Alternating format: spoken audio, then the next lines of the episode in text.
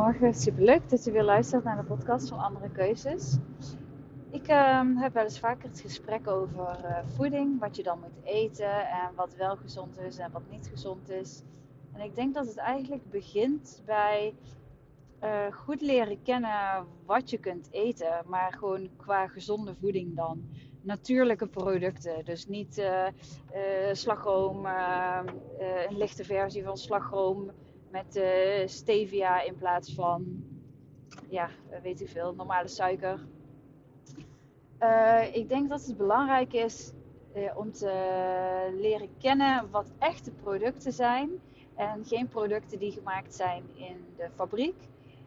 Um, ik denk dat het daar allemaal start. Als je bewuster gaat eten, um, die gezonde producten, dus die producten die uit de natuur komen, en als je dan daarna um, ja, nog een keertje een stukje chocolade eet of uh, een keertje taart met slagroom, uh, dat is prima. Maar ik denk als je uh, gaat beginnen met wafels en slagroom als ontbijt eten, um, ja, dat je denk ik de plank mislaat. Want ja, dat is misschien wel lekker, maar het is niet voedzaam voor je lichaam.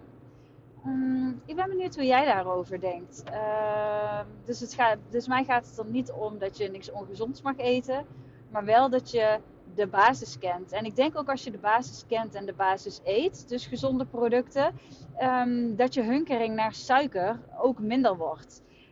Um, dus als je daarmee start, uh, ja, dan zal dat vanzelf naar de achtergrond gaan. Maar als je ervoor kiest om eigenlijk constant toch die suikerhunkering te voeden, ja, dan kom je eigenlijk nooit tot de laag uh, van het echte voedzame eten. Ik ben benieuwd hoe jullie hierover denken. Geniet van je dag.